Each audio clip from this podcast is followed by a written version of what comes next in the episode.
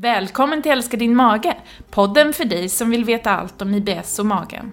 Här får du lyssna på ofiltrerat skitsnack av Sveriges IBS-experter, dietisterna Sofia Antonsson och Jeanette Steyer. Vill du veta mer om hur du kan ta kontroll över din mage redan idag? Gå in på bellybalance.se. Och glöm inte ladda ner appen Bellybalance, ett ovärderligt redskap för alla FODMappare där ute. Och nu är det dags att börja älska din mage. Välkomna till Älska din mage-podden, avsnitt tre. Hej Jeanette. Hej Sofia. Ska vi fortsätta prata om detta intressanta och stora ämne magen, IBS och vad man kan göra åt det. Det känns som att den här podden skulle kunna pågå för evigt. För vi har så mycket vi vill säga och berätta och mm. undra och tycka och förklara och så. Mm. Mm. Det är absolut sant. Och vi ska väl hålla på för evigt? Kanske? Ja, det kanske Eller, vi ska ja. göra. Men idag skulle vi prata mer om maten i relation till IBS har vi ju lovat. Eh, mm. Eh, och lite grann om den kostbehandlingen vi jobbar med som heter FODMAP. Mm. Men kanske mer till att börja med allt det här runt omkring. Hur, när, var mm. man äter och vad det betyder för magen och varför det blir som det blir i mm. den relationen. Mm. Ett li litet ämne, kost. Ja, ja, precis.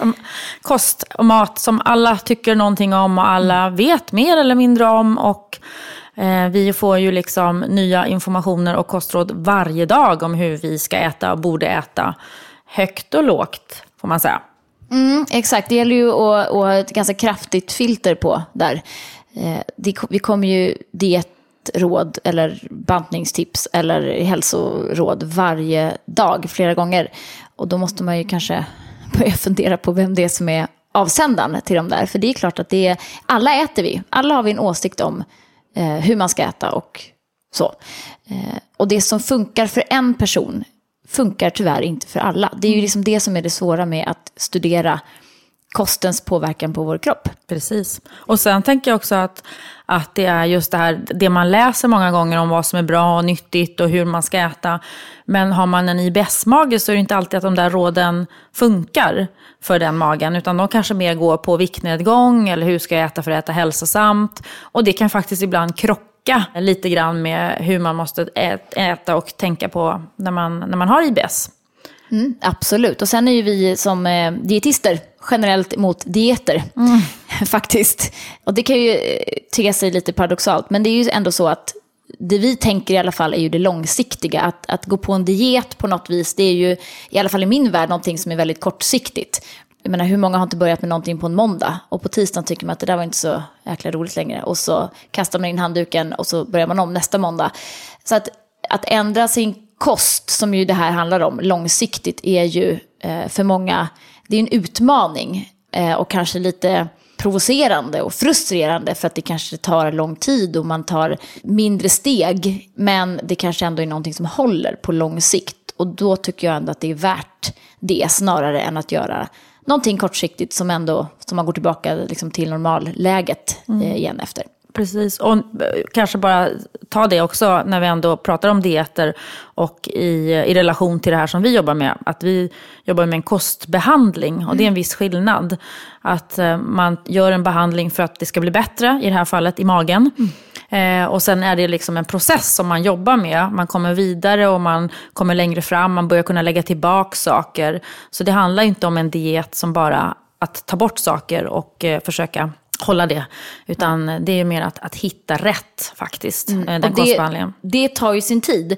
Och vi svenskar är ju väldigt mycket quick fix, svart eller vitt, det eller inte det, ta bort det, ät aldrig det, ät bara det. Mm. Och det går ju kanske lite emot det här då, så vi som, det som vi håller på med, att man faktiskt gör saker kontrollerat eh, och eh, under en lite längre tid, men som också ger ett bättre resultat. Mm. Ibland när man läser en löpsedel, då skulle man kunna tro att bara man åt blåbär eller valnötter, då var ju allting då var det ingen fara längre på taket. Nej, du som är gammal flygvärdinna, den här ja. flygvärdinnedieten, ja. vet inte du någonting om den? Det var någonting med grapefrukt tror jag. Ja, och ägg. Ägg kanske var involverat också. Ja, Ja. Väldigt effektivt. Nej, det, var, det effekt, mest effektiva där det var att vi inte hann äta särskilt mycket när vi flög. Så Nej. det var väl det sättet man höll sig smal på den Ja. gången. Och alla- och sprang väldigt mycket. Ja, verkligen. Fram och tillbaks i kabinen. Precis. Ja. Idag, idag kanske man inte springer lika mycket. Jag vet inte. Nej, servicen är inte lika god längre. Nej. Inte som när jag jobbade. Nej då. Nej, och dessutom stackars eh, alla människor uppe i luften som har IBS. Oh. Alltså, herregud, vad händer i tarmen när vi flyger? Det är ju jätteintressant. Jag tror att det är ganska många flygpersonal som Mm. har en jobbig och bråkig mage. Det visste jag nog inte då. Ehm, Men jag kan tänka mig att det kan vara så. Med oregelbundna tider, upp och ner i luften, äta konstigt och dåligt. Och... Mm. Vi mötte det ju en pilot för ett tag sedan, du och jag, som eh, har, har IBS. Mm. Och han tyckte att det var, det var flera olika, det var liksom ganska intressant. Han, för det första så sitter de ju väldigt, väldigt trångt in i cockpit. Man tror ju att det är något sorts lyxutrymme. Det är det inte. De är otroligt liksom, inklämda där. Sen är det ju små portioner av flygplansmat som ju för det första inte är ett dugg anpassade efter IBS. Om det finns något företag som lyssnar på den här podden som sysslar med flygplansmat så kan vi göra ett samarbete. Nej, men den är ju inte IBS-anpassad. Och den här mannen just sa ju då att eh, eftersom det är så små portioner så äter man brödet också för att bli mätt. Och sen sitter man där ihopklämd i några timmar till och har en mage som inte alls är glad. Stackars piloterna. Stackars piloten. Ja, det är lite synd om dem. Men Ja. för övrigt så vet jag att ett- många människor eh, med IBS tycker ju att det är kämpigt att flyga för att magen blir helt upp och ner. Mm. Och det har ju att göra med att gaserna helt enkelt expanderar när man kommer upp i luften. Mm. Enkelt förklarat så kan vi säga så. Eh, så att magen blir som en ballong. Jag får också en ballongmage när jag flyger. Även om jag inte har så mycket IBS annars. Mm. Precis, och så sitter man och småäter och så äter man lite bröd och en bulle och lite godis och lite nötter. Mm. Jag och får svullna anklar också, men det är någonting annat. Det är åldern. Det är åldern. Ett helt klart tydligt ålderstecken. Ja, precis. Ja, nej, men det är ju så här att om man pratar kost och mage, så är ju, eller kost och IBS framförallt då, då så är ju det här en alltså, otroligt mytomspunnen värld. Mycket skrönor, mycket husmorstips, mycket själv ihopknåpade råd som figurerar eh, historiskt. Och det här hänger ju kvar. Väldigt mycket. Mm. Det är- Och det har väl att göra med att man ju inte har, man har inte vetat allt tidigare. Man har inte förstått allting. Och sen så tänker jag att det finns säkert absolut många av de här husmorsråd eller tips som kommer ifrån liksom gammal kunskap om saker och ting som har fungerat, lever kvar och kan fungera. Men man har ju i alla fall inte tidigare förstått hur kosten påverkar en IBS-mage, som man gör nu. på ett helt annat sätt. Mm. Precis, och det är ju först nu, senaste kanske tio åren, som man faktiskt har börjat göra studier Mm. och satt människor i olika grupper. Och det är ju precis så man kom fram till den här FODMAP-kostbehandlingen, att den faktiskt den liksom vetenskapligt bevisat hjälper 75% av alla med dem med, med IBS. Och det är ju helt fantastiskt. Men det är förståeligt att mycket av de här gamla kostråden hänger kvar. Vi hör ju väldigt ofta att man kommer från läkaren och har fått råd som att äta mer fibrer eller äta mindre fibrer. Ta bort det du mår dåligt av. Och är det något råd som är det absolut sämsta man kan få när man har en bråkig mage så är det ju ta bort det du mår dåligt av. För man vet inte vad man mår dåligt av. Och då är det ganska vanligt att man hamnar i den här, som vi också träffar många patienter och människor som har gjort, att de först tog de bort det och så tog de bort nästa sak och det blev lite bättre och så inte helt bra. Och så fortsätter man att ta bort saker och till slut så har man tagit bort jättemycket saker men man mår fortfarande dåligt i magen. Så man har ännu liksom inte riktigt förstått då vad det är som, som spelar in. Absolut. Vi möter ju dels ganska många som äter extremt nyttigt. Alltså man kanske äter raw food eller ja, bara liksom råa grönsaker i stort sett. Och det blir ju, det i sig är ju en stress. Och har man då en mage som inte funkar så är ju det ännu stressigare när den då bråkar loss på grund av att man äter en massa grönsaker som är tuffa. Så det finns ju liksom ingen, det är ingenting som korrelerar att bara för att det är en grönsak så är det nyttigt och automatiskt bra för magen. Så är det inte. Man kan inte se på frukter och grönsaker eller mat överlag om den är bra eller inte för magen. Det är det, som, är lite, det, är det som är svårigheten tror jag för många. De flesta vet ju ändå vad som är nyttigt och, och inte. Och sen är det också, möter vi ju många, om man hör och ser och människor som säger att ja, men det är helt individuellt och du måste känna dig fram och ingen är, alla är vi olika och så. Och det vill jag slå fast en gång för alla, att det är faktiskt inte individuellt vad man reagerar på när man har IBS. Vi har ju, jag ska inte säga en procentsats, för jag kan inte den, men alltså det är otroligt stor andel av alla med IBS som reagerar på de stora bovarna, lök, vitlök och sädeslag, framförallt laktos kanske också. Eh, de allra, allra flesta. Det är bara det att man kanske menar, lök och vitlök äter vi nästan varje dag, kanske flera gånger per dag. Så att det är inte så konstigt då när man kommer och säger att nej men det tycker jag inte att jag reagerar på, fastän magen är konstant dålig. Så det är liksom det här ja, mera vanliga, det man äter varje dag, det är liksom det man behöver börja fundera på.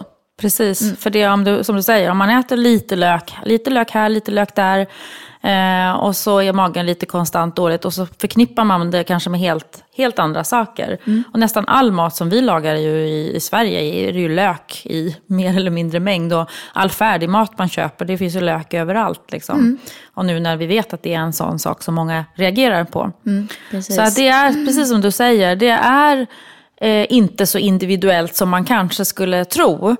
Eh, utan det som gäller det är att ta bort de här bråkstakarna som vi vet vilka de är då, genom kostbehandlingen FODMAP. Just. Och sen så lägger man tillbaks på ett kontrollerat sätt och då lär man sig förstå. Och då blir det ju lite mer individuellt förstås. Men till att börja med, grundplattformen är ju densamma för alla. Ja. Och det handlar ju om kemi, handlar ju om vad som händer i magen. Mm. Vad är det som bråkar i magen? Och det har man förstått nu då. Ja, och det är också en faktor att det går liksom inte att bara ta bort en sak. Att man tar bort löken under en period och så blir det kanske något bättre. Så lägger man tillbaka den igen och tar bort någonting annat. Utan det här gäller ju att ta bort alla potentiellt störande molekyler ur magen, eller från, ur kosten rättare sagt. Precis. Så att eh, det här också är ett, ett, ett, problem att man kanske inte vet riktigt vilka det är som stör, så börjar man ta bort lite grann och så lägger man tillbaka den igen och här det var inte den, då, här då får jag prova något annat. Eh, så att vi behöver ta bort allting på en gång eh, och det är ju det är tufft, det är en, en kämpig behandling. Mm. Eh, men det ger ju också väldigt fina resultat. Oh ja. Mm. Och då kan vi, brukar vi brukar prata om den här hinken. Den kan vi ju nämna då att man, mm. man, liksom, man kan tänka sig att magen är som en hink. Att man fyller i saker som är jobbiga i den här hinken. Och den fylls upp svämmar över och när den svämmar över så får man symptomen. Och då, då tänker man ju oftast då, om det blir att du får symptomen efter lunch till exempel, att då var det det jag åt till lunch som, som någonting där var fel. Mm. Men eftersom det kan vara det som du har fyllt upp i hinken under senaste dygnet, kan vi säga i alla fall, flera måltider innan som liksom har fyllt upp i din maghink. Och det är det som gör att det blir så svårt. Om man kopplar kanske till det där sista man åt, men egentligen så var det andra saker som fyllde upp i den här hinken. Just det. är ganska, jag tycker det är, en, det är en jättebra bild att ha med sig. Den jobbar man ju mycket med liksom, eh, inom FODMAP. Och, men mm. den kan man ju tänka på eh, när det gäller magen, eller kanske kroppen också. Hur mycket fyller vi liksom i en hink? Hur mycket kan det vara där? Hur mycket mm. tål jag? Mm. Liksom, hur mycket, blir det jobbigt i magen efter en trerätters plus vin och saker och ting? Då, då kanske det inte är att laxen var lite fet, utan det kanske är för att man åt snacks innan och så var det en förrätt och så var det det här och så var det vin och så blev det liksom, så har man fyllt upp i sin hink. Men eh, när det gäller FODMAP pratar man om den här hinken väldigt konkret då, just mm. med de, de bråkiga molekylerna. Mm. Och att lära, hitta, lära sig hitta storleken på hinken och lära sig hitta vad det är som fyller den här hinken, kanske mer än, än andra saker just hos hos dig. Mm. mm. Och sen brukar vi ju prata om, vilket är ganska roligt, för man hör ju ganska ofta att ja, men när, när jag är på semester, då, då kan jag äta nästan vad som helst. Och det är ju, man säger att den här hinken, stress fyller i den här hinken också. Eller kanske att man kan också säga att man kan tänka sig att storleken på hinken blir mycket mindre när man är stressad. Mm. Då tål man mindre. Mm. Och när man är avslappnad och på semester så är den här hinken lite större och, och då kan magen klara lite mera. Mm. Det är jättevanligt. Ja, absolut, mm. absolut. Och förklarar ju också hela liksom det här begreppet att man inte kan relatera symptomen till det som man senast åt. Alltså äter man en bulle och känner att au vad ont i magen jag fick, det här var inte bra. Eh, så är det ju inte bullen egentligen som är problemet. Ja, det kan ju vara det om man har överdelsbesvär, alltså man har halsbränna och känslig liksom, magsäck och matstrupe. Men bullen ligger just då i magsäcken och kan ju inte göra så mycket annat än att bara ligga där. Eh, det den gör däremot, det är ju att putta födan, avföringen, framåt i tarmsystemet. Så att den puttar ju ut någonting annat ut i tjocktarmen. Inte bullen va? Nej, jag skojar. Ja, precis. Den, den åker Den ner. sätter igång Den sätter maskineriet. Ja. Exakt, ja men det gör ju att allting flyttas precis, neråt. ja. Eh, och det som då åker ut i tjocktarmen, om det är en eh, fransk löksoppa, då, blir det, då händer det grejer där. Det är ju liksom bara så. Men då är det lätt att det, det börjar bubbla i tjocktarmen och då tänker man på bullen. För det var den jag sist åt. Exakt. Så att man måste liksom börja felsöka ett par, tre kanske ibland, måltider bakåt i, i tiden. Och då, är, då blir det liksom, vet man inte om det så är det ju otroligt svårt att förstå vad som orsakar symptomen. Det är ju liksom den aha-upplevelsen som vi nästan oftast hör. Att liksom, nu förstår jag äntligen vad det är jag reagerar på. Jag hade aldrig trott att avokadon som jag åt varje morgon var det som ställde till i magen. Därför att även den härligt mjuka, fina eh, frukten, är det va? Ja. ja eller? Ja. Ja, typ. Eh, avokado är en FODMAP. Mm. För den innehåller ämnen som vi ska prata om vid senare tillfälle. eh, Som stör magen. Fast man Okej. tror att man är jättenyttig och Nu äter blir, det, nu blir det headlines på Expressen. Mm. Dietisten säger, ät inte avokado. Det ska vi inte göra. Är det inte den som har blivit så dyr nu för att den är, eh, det, det är så dåligt för miljön att äta avokado? Ja, men det var tråkigt. För den är ju väldigt god och bra. och Så. Ja. Det är den absolut. Men Eh, ja. nu kom jag på, Ja. Mm. när du säger sådär, för du sa ordet felsöka och det för ju mig osökt in på det som vi eh, kallar mat och symptomdagbok. Mm. Eh, att man för en sådan för att få lite koll på hur ens dagar ser ut. Mm. Och då pratar vi ju om, det brukar vi alltid börja vår behandling med, Mm. eh, att man ska göra. För att få göra som en status. Hur ser det ut här och nu? Hur och när och var äter jag? Och hur ofta har jag symptom? Då kan man också börja liksom relatera och se lite mönster när man för en sån här dagbok över gärna lite längre tid. Inte bara tre, fyra dagar utan kanske ett par veckor eller så. För det är alltid så, vi tror ju att saker och ting ser ut på ett visst sätt. Och frågar du mig så äter jag ju jättenyttigt för jag är dietist så jag äter nyttigt hela tiden. Och frågar också mig hur många gånger jag tränar i veckan så tränar jag ungefär två till tre gånger i veckan. Och nu har ju Sats då skaffat en app så jag kan ju se hur många gånger... Sanningen finns i appen. Ja, exakt. Jag ser hur många gånger jag tränar i, i, i veckan i genomsnitt och då står det 1,2. Jag förstår ingenting. Det här Nej. kan inte stämma. Det Nej, det måste vara måste något fel, fel på en appen. bugg. Nej, men det här är så vanligt att man tror att man gör på ett visst... Man tror att man äter lunch varje dag och jag äter inte liksom, så mycket onyttigt eller vad vi nu ska prata om. Eller eh, ja, vissa saker som man då tänker. Men när man får det svart på vitt så är det inte alltid så. Nej, vi har ju sanningen om oss själva. Ja. Alltså, det är ju så. Vad var det nu? Vi vet ju Kognitiv vilka- dissonans var det någon Ja, som sa. det, det finns ett begrepp som en väldigt känd sångare har slängt sig med eh, utan att kanske veta exakt vad det betydde, visade sig sen. Men verkligen, det finns en skillnad mellan hur vi upplever oss att vara och hur vi faktiskt kanske vill vara och hur vi rent praktiskt är i jag menar, jag vet ju vad du äter, till exempel. Exakt. Nej. Ja. Precis. Vi, vi ser ju vad du äter till lunch Av- varje dag. Avslöjad. Ja, nej, men, men faktiskt. Och det, här, och det är ju det absolut vanligaste när vi får tillbaka en sån här mat och symptomdagbok. Alltså det är ju väldigt många som säger, alltså den här veckan, jag vill bara säga det, det här, var ju, det här veckan var jättekonstig, den var inte alls som den brukar vara. Nej, nej, säger vi. Det, det är ju väldigt sällan som den är Mm. Precis. så. Och så skulle den se ut om vi också lämnade in en mat och symptomdagbok. Verkligen. För Livet blir, kommer emellan. Livet kommer emellan. Hela det tiden. blir fika, det blir en AV, det blir en födelsedag, det blir, eh, man hinner inte äta en lunch eller vad det nu är. Men det är ju mer bara för att Alltså mat och symptomdagbok är, det är sjukt bra Mm, att göra. För att få verkligen svart på vitt, vad har jag förbättringspotentialen? Var finns det luckor i schemat? För det, de kommer ju uppträda. Så att, att skriva upp, då får man ju ändå så regelbundenheten och lite grann kanske också när och hur symptomen kommer. För det är ju nästa grej, att vi vet att har man magproblem så är det oerhört lätt att vänja sig vid sina symptom. Så att man inte märker dem längre. En del säger ju så här, men gud jag trodde att, magen, att det var så här för alla. Att man hade ont i magen efter man hade ätit eller att magen bråkade så här. Mm. Är det ju en del som, som, som säger när de börjar komma till behandling eller börjar förstå att de faktiskt har mer problem än, än andra människor. Ja, eller så är det tvärtom att min mage bråkar bara tre av sju dagar. Jag trodde det faktiskt var varje dag. För det är det jag har gått och intalat med att ah, jag har så dålig mage, jag har så dålig mage.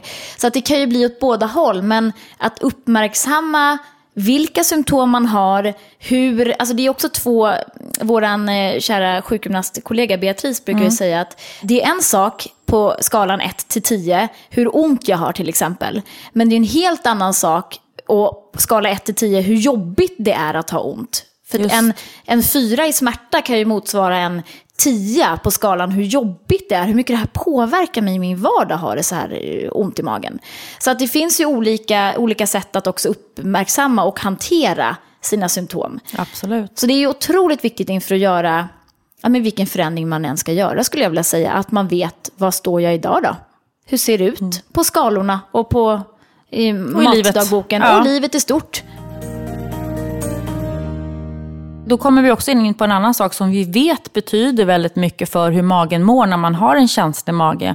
Och det är ju det här hur och när och var jag äter. Och det är ju att, att en del då som man upptäcker stora luckor som du säger i sin eh, eh, dagbok och inser en massa saker. Att gud, jag äter jätteoregelbundet, jag glömmer att äta, jag äter när jag är på väg till bussen. Och sådana saker. Att, att göra sådana förändringar, att liksom få in det här, ja men det, regelbundenheten är viktig när man har en känslig mage. Hellre mindre portioner lite oftare än få stora. Hjälper också jättemånga som har en känslig mage. Att man eh, sitter ner och äter, att man tuggar maten och att, att maten får ta lite tid kan också göra en jättestor skillnad innan man ens har börjat ändra, ändra på vad man äter. Ja, Så absolut. det är ett väldigt bra ställe att eh, börja. Det jag tycker är viktigt, och det gör ju du också, eh, när, vi, när man ska göra en, en, en, någon typ av förändring så vill man ju veta vad stod jag från början och hur blev det? Så att man på något vis kan utvärdera. Det är ju det är ju en, en motivationsfaktor i det när man ser att man faktiskt börjar må bättre. Och det, har, det, ble, det är bättre nu än vad det var för, för två veckor sedan eller vad det nu kan vara. Så det är ju någon typ av grund som vi vill att alla som går på sån här kost, kostbehandling då, som FODMAP ska göra. För det är liksom, vi vet att det är så viktigt och så bra att få den insikten. Man brukar ju säga, jag tror vid alla förändringar man ska göra i livet, för det här blir ju lite så kallade livsstilsförändringar.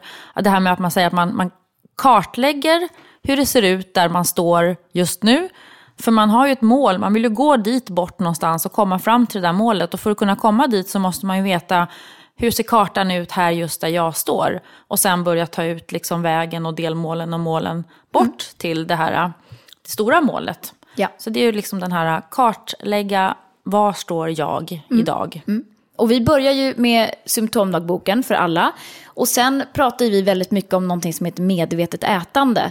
Eh, och det är ju, kan man säga, om symptomdagboken är steg ett så är ju medvetet ätande 1A. eh, det är ju liksom eh, någonting som vi vill också att man gärna tittar mer på.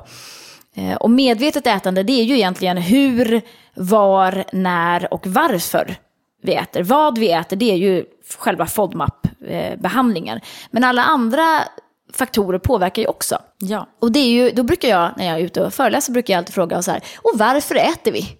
Ja, Ja. den är bra. Det är den bra. jätte, och det finns ju så många anledningar till det och det brukar ju komma upp då. Då kommer de upp, ja för att man är hungrig. Ja, det är fysiologiska gott. förklaringar. Ja, precis. Sen kommer resten då. Mm, det är gott, jag är sugen. Traditioner. Ja, man ska bjuda någon på fika och fikabröd eller ja, man går ut och dricker ett glas vin eller sådär. Och så kommer ju det här myset. Och så kommer det, jag är trött när jag är trött, Ja. jag är deppad, uttråkad.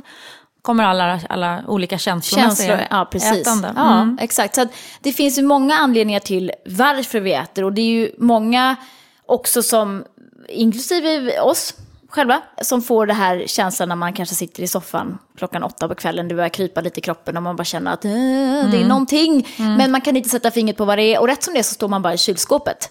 Ha. Mm. Och så kollar man, men det är ingenting som man direkt är sugen på, så man plockar lite sen, några russin, en halv kaka, en ostbit, ja, några det har nötter. jag aldrig gjort, det Nej. du beskriver nu. Ja, Aldrig nej, du är ju ett, ett levande unikum.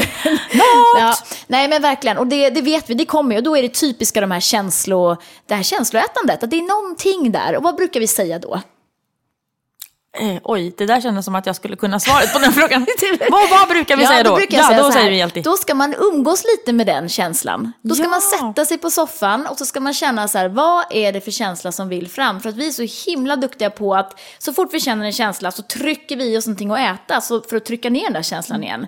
Och då ligger det ju liksom här och bara bubblar runt och så har man det här liksom oron i kroppen. För det är någonting man känner. Man är orolig inför imorgon, någon sa någon kommentar på jobbet eller ja, det är någonting som ska hända som man känner att äh, det känns inget bra. Och då går vi och äter. Så att sitt ner och umgås med känslan. Låt den komma upp då.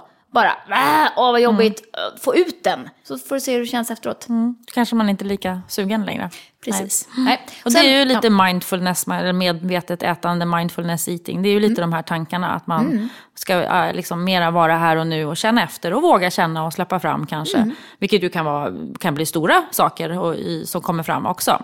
Allt beroende på vad man har. Mm. Och sen kan det ju också vara så att eh, om man har slarvat mycket under dagen och inte ätit ordentligt Mm. och det har gått väldigt lång tid emellan och så vidare. Så kan det ju vara att det blir det här äh, suget som kommer för att man bara kroppen också liksom signalerar lite att du, jag har inte fått det jag borde haft idag eller det jag borde ha fått idag. Så att jag blir väldigt, väldigt sugen på kvällen. Ja, och då kan man eh, göra något konkret för att minska det där suget. Ja, Ja, då kan man ringa en vän. Ja, precis. ring en vän. Eh, drick ett glas vatten. Ja. För ofta så felkopplar ju kroppen.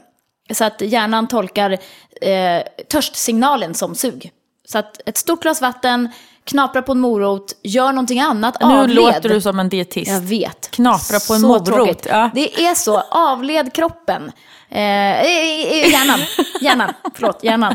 Gör någonting annat, gå ut och gå en promenad, eh, Precis, gör något liksom. med kroppen Ja. istället. Mm. Ja. Det är ju liksom det här klassiska kvällssuget. Så att varför vi äter, det finns ju liksom en miljon anledningar till varför vi gör det. Mm. Men vi kan väl alla slå fast att vi ofta äter ganska omedvetet. Att det slinker ner en massa saker under dagen som vi inte har någon koll på att det faktiskt slank ner. Precis, och det är en av de grejerna som händer när man för en matdagbok. Att då Mm. börjar man att se just, just de grejerna också. Ja, verkligen.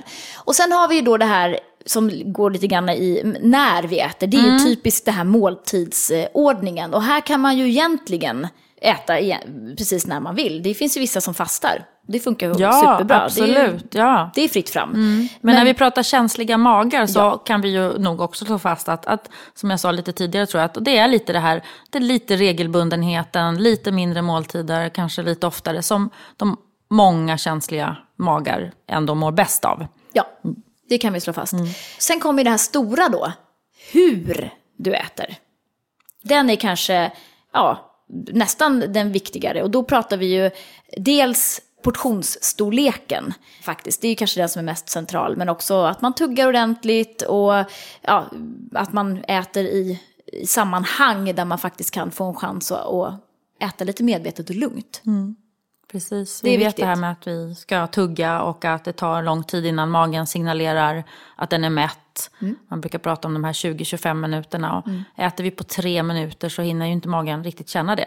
Och då är det lätt att äta lite mer och så kanske det blir för mycket. Eh, och det kan bli jobbigt för magen då. Ja, verkligen. Det belastar ju tarmsystemet. Ju mer man äter, desto större belastning blir det ju. Och det här vet vi också från studier, att ju mer vi har på tallriken, desto mer äter vi. Det är liksom bara, det är ett faktum. Det finns ju studier som har visat när man gör eh, den här studien när man fyller på tomatsoppa underifrån i tallriken, fast man inte vet om det när man sitter och äter. Eh, och det visar ju att man kan äta, jag tror att man kan äta 80% mer ungefär. Eh, och ändå uppge att man har samma mättnadsgrad då som de som slutade äta tidigare för att det tog slut. Så att eh, vi äter ju tills det i stort sett är slut på tallriken. Och det här är ju också roligt, för det, ju, det finns ju olika, i olika länder hur man ska äta. Japanerna äter sig ju ungefär 80% mätta. Det är en jättemärklig siffra. Ja. Ja, men man kan ju prova och, och sluta äta innan man, är, innan man är helt mätt. Eller helt enkelt bara sluta äta när man inte är hungrig längre. Ja, Det är men ju precis. bra. Men jag tänker mer så här, man vet, de flesta vet ju ungefär vad är liksom en bra portion lägga upp på en tallrik. Då pratar man ju ofta om en portion på en normalstor tallrik. Och man kan ju komma tillbaka till tallriksstorlekarna då igen. Mm. Men, men äter man den portionen och sen lutar sig tillbaks 10-15 minuter och hinner känna efter. Mm. Och då ska det ju komma en behaglig mättnad, en, en nöjdhetskänsla. Och den hänger nog väldigt mycket ihop med att jag har ätit 80% av vad jag kanske trodde att jag skulle äta. Eller att jag har ätit mig 80% mätt. För, för en, en bra mättnadskänsla ska ju inte vara att du liksom lägger dig på golvet och är tvungen att knäppa upp brallorna och bara, alltså jag är så mätt så jag håller på att dö. Paltkoman. Ja men precis, då är man ju övermätt. Utan Mm. det ska ju vara den här, som du säger, en icke hungrig, ja men en nöjd känsla. Men det är svårt att stoppa där. Vi brukar prata Skojar om det här restaurang, restaurangtricket. Eh, när vi är ute och käkar ibland så beställer man ju förrätt och så är den kanske liten och så här supergod. och Man sitter och äter länge, länge på den här lilla, lilla förrätten. Och så dröjer det ytterligare kanske en kvart, 20 minuter till varmrätten kommer. Och då är man ju sällan särskilt hungrig. Då, kunde man, då säger vi ofta så här, alltså, vet du, jag hade kunnat strunta i den här varmrätten. Eller bara tagit en liten förrätt till. Ja. Så hade det liksom Ja. räckt. Ja. Precis. Så att genom att, man kan säga så här, genom att uppehålla hjärnan med andra saker också medan vi äter så får ju inte, får ju inte mättnadssignalerna fäste i hjärnan. De, de når liksom inte upp till hjärnan eller hjärnan tolkar inte in dem. Och det är typiskt när vi sitter och kollar på tv eller eh, pratar i telefon eller sitter framför datorn. Man brukar säga att amerikanerna slutar att äta när tv-programmet är slut. Och det är ju också ganska liksom, talande för att man sitter framför tvn och äter. Eh, ibland... Ursäkta amerikanerna om ni lyssnar nu. Ja, men det, är ju, det här är ju, liksom, det är ju lite grann så man, man, det ser ut i olika delar av världen. Eh, och där kanske man äter mer framför tv, vad vet jag. Men det här med att, det kan man känna själv ibland, att man sitter och Ja. äter och rätt som det är det bara slut på tallriken och så ställer man undan den och så här, "Ja, men nu är jag färdig. Ja, men har inte du känt någon gång om man har tagit något och ätit, eh, jag måste erkänna också att ibland sitter man ju framför datorn och tar någonting, eh, ett mellanmål eller man har bestämt sig, eller tvn också. Och så tar man fram någonting och så händer något och man tittar på något eller telefonen ringer. Och sen när man liksom kommer till sig själv igen så bara, men vänta nu, vad tog den där smörgåsen vägen? Nej men gud, jag har ätit upp den. Att man liksom, eller om man hade då tagit fram en chokladbit eller man skulle, något man tyckte att man skulle ha gått. Och så har man liksom inte ens hunnit njuta av det där. För man har gjort, hjärnan har varit upptagen med något annat under tiden. absolut. Det, det är precis så det funkar. Har du någonsin upplevt det Sofia Aldrig. Antonsson? Nej, jag Aldrig. tänkte väl det. Men jag har jag- gjort det. mm. Ja. Nej, men faktiskt. Och, och, och vi pratar ju mycket om att, förra, förra avsnittet pratade vi om det här med toasignal, att man uppmärksammar kroppens signaler. Mm. Och det är ju både toan, men det är ju också mättnad, hunger, sug. Alltså när är jag, när, liksom, vilken skillnad är det på de här signalerna? Och stressen, det är ju liksom, det är en helt annan grej. Men det är också, handlar också om att uppfatta och att tolka in och att uppmärksamma kroppens signaler på olika sätt. Så att, eh, att tänka över det, och det här suget framförallt, som ju är kopplat till känslor alltid. Det är alltid kopplat till känslor. Eh, Hunger, det är fysiologiskt, suget är kopplat till känslor. Då kan man liksom börja fundera på där, vad är det för någonting som ligger bakom? Och varför får jag det här alltid vid en speciell tidpunkt eh, på dagen? Det, det är ju liksom det som, som är bra att jobba med. Bra funderingar. Ja, Då har vi verkligen. pratat om hur och vi har pratat om när. Va? Ja, typ. Var vi, hade vi med det också? Ja, det var väl egentligen Ja. inte framför tvn. Nej, precis. Eh, eller på språng. Alltså, Mm. det, hur många är det inte som är ute och äter? Jag tycker man ser folk äta var som helst och Mm. överallt. Och sen det är ganska, har jag hört många gånger i alla fall, just när man träffar människor som har fyllt i en mat och symptomdagbok som, som kommer på det här. Alltså vet du, det var, det var en för inte så länge sedan, hon bara, ja men vet du, jag inser att jag står ju upp och äter. Liksom nio av tio måltider, jag står upp och äter för jag tycker inte jag har tid.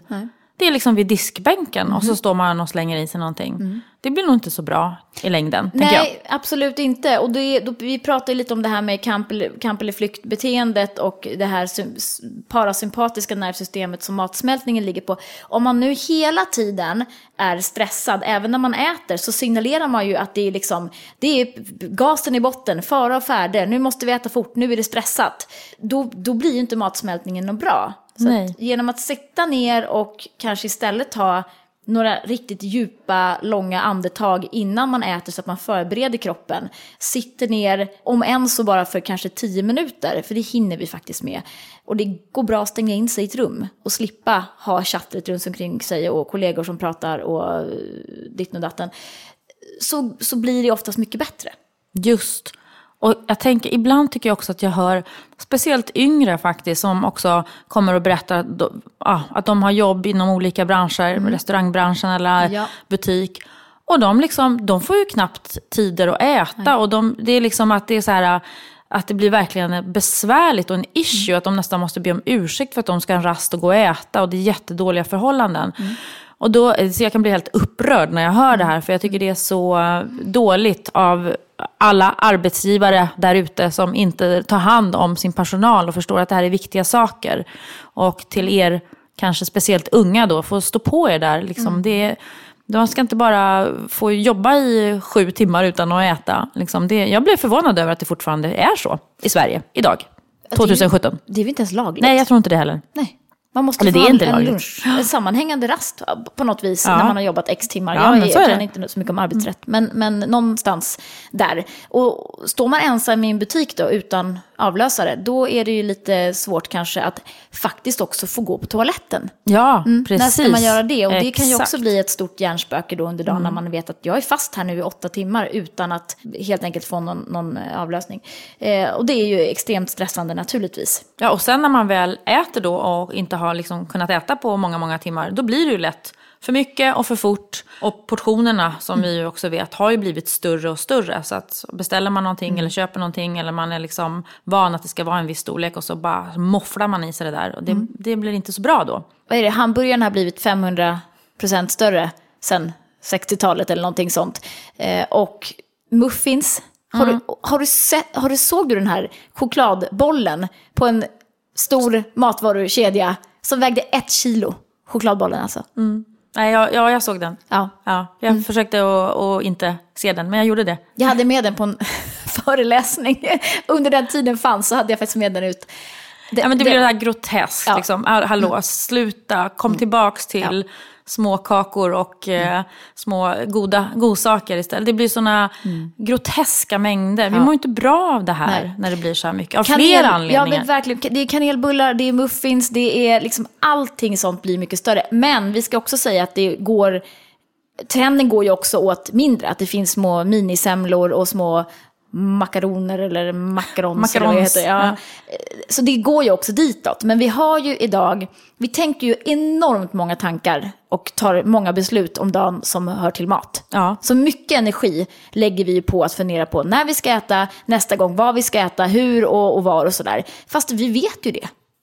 Vi vet ju redan när nästa måltid är förmodligen och vad vi ska äta och att vi alltid kan få tag på mat. Så ja, vi behöver inte fundera så himla mycket på det här. I vårt samhälle är det ju så. Vi kan ju få tag på mat 24 timmar 7 och det är väl det som har blivit lite, lite besvärande då, eller besvärligt, för att vi inte har det här stoppet kanske. Att vi tackar, för, tackar ja väldigt mycket. För det är ju gott och det är mysigt och mm. allting. Mm. Och ibland kanske vi behöver tacka nej.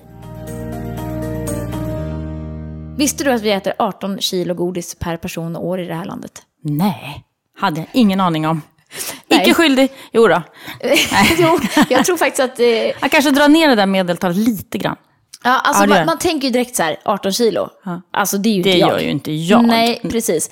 Och då kan man ju slå ut det med att det är då, ja... 12 ett, månader? Typ. Ja, 12 månader på ett år. Och om man då äter en så här 300-400 gram per vecka det är inte så mycket, det är 3-4 hekto. Mm. Det är en, en vanlig godispåse, då får du i ett kilo i utan problem. Så, och plockgodiset är ju liksom helt svenskt eh, fenomen. Mm.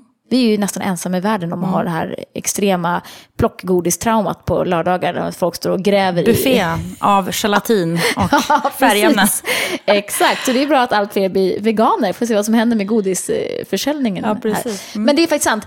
Och sen vet vi också att om, det, om jag nu har rätt så tror jag att vi går motsvarande ett maraton mindre per vecka mot vad vi gjorde på 50-60-talet när ja. man var ute och rörde på sig i skogsarbete etc. Precis, mer. man har gjort sådana mätningar. Ja, men också bara, ja. tänk alla de här små sakerna. Så här, gå till eh, mm. brevlådan, man skulle mm. posta ett brev förr i tiden, eller mm. man skulle tvätta kläder, eller man skulle diska, eller man mm. skulle gå hem till någon för att det fanns inte telefon. Och vi, liksom, men man skulle resa på sig för att uh, byta tv-kanal.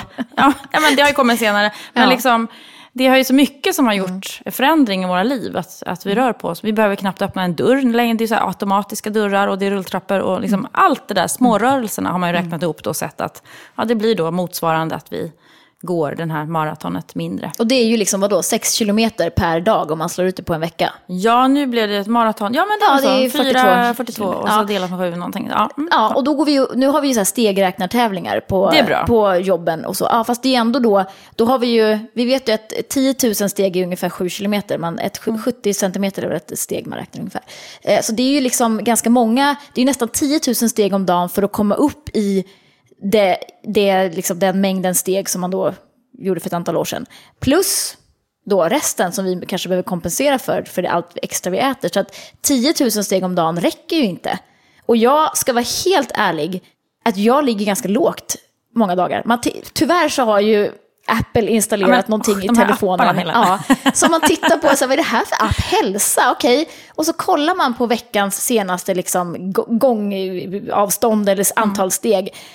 Är det ju förkrossande. Mm. Alltså på riktigt är det vissa dagar som man ligger på liksom 4 000 går steg. Går till tunnelbanan, ja. går upp till kontoret, ja. jag sitter på och kontoret. Och sitter där och inte ens går ut och köper lunch för att man har en fil i kylen. Ja. Det är Va? ju... Äter du inte medvetet? Nej, Nej, ibland gör jag faktiskt inte det. Okay. Ja. Mm. Nej, men på, då, då blir man ju väldigt medveten. Sen ja. så ska gudarna veta att jag har faktiskt inte med min mobil. Den sitter inte klistrad på min kropp Nej. som den gör på många människor dag ut och dag in. Utan jag lägger den ofta och sen kan jag ju gå runt och gå ut och köpa lunch och gå runt och så mm. utan att ha mobilen med mig. Men mm. det är verkligen ingen ursäkt. Jag går alldeles för lite i vardagen. Alltså mm. den vanliga motionen. Ja, men det är den här vardagsmotionen som ja. man tjatar så mycket om. Ja, ja. precis. Så att, eh, jag vill bara Det var ett litet sidospår mm. om rörelse. Verkligen. verkligen. Mm. Då har vi pratat jättemycket om eh, var och hur och när och varför och så vidare omkring ätandet. Och vad man kan tänka på för att få en lite lugnare mage. Vi har inte hunnit prata alls så mycket om vår kära kostbehandling FODMAP. Eh, så det kommer vi att göra nästa gång. Mm. Eh, då kommer vi djupdyka i kostbehandlingen FODMAP och förklara den. Ja. En gång för alla. Ja. Nej, eh, det kommer vi göra många gånger. Men eh, jag tänkte en liten cliffhanger då till nästa tillfälle. Eh, det var för att jag fick ett mail här precis i förmiddags eh, av en kund som skrev så här. Jag köpte tre månaders medlemskap i början på september, är nu mitt inne i elimineringsfasen och helt chockad över resultatet. Haft stora problem i många år och aldrig förstått några som helst mönster avseende mat. Tycker att problemen eskalerat under de senaste fem åren och testade hoppfullt denna behandling. Ett dygn efter att jag började äta FODMAP-fritt var jag helt, med stora bokstäver, symptomfri. Det översteg alla mina förhoppningar. Slutcitat. Alltså det här är ju så roligt när man får sådana här mejl. Det, är lite, blir, det är lite därför vi håller på med det vi gör. Man blir så glad när man hör att det hjälper någon ja. som har undrat. Och sen så mm. tycker jag det knyter an både lite till det vi har pratat om idag. Ja. Att man inte alltid förstår mm. varför och när man får symptom. Mm. Och så knyter det ju alldeles lysande an till nästa avsnitt av Älska din mage-podden. När vi ska prata FODMAP. Precis. Slut och tack för mig. Tack för dig. Och vi tackar för idag och vi tackar eh, då också Mag-tarmförbundet som är så vänliga och sponsrar den här eh, podden. Alla som eh, har någon typ av magproblem, gå in på deras sida magotarm.se och läs mer där. Det är en otroligt bra aktiv organisation och vi vill verkligen, verkligen puffa för att bli medlem där. För att få den senaste informationen helt enkelt. Absolut. Vi säger tack för nu och på återhörande. Tack och hej!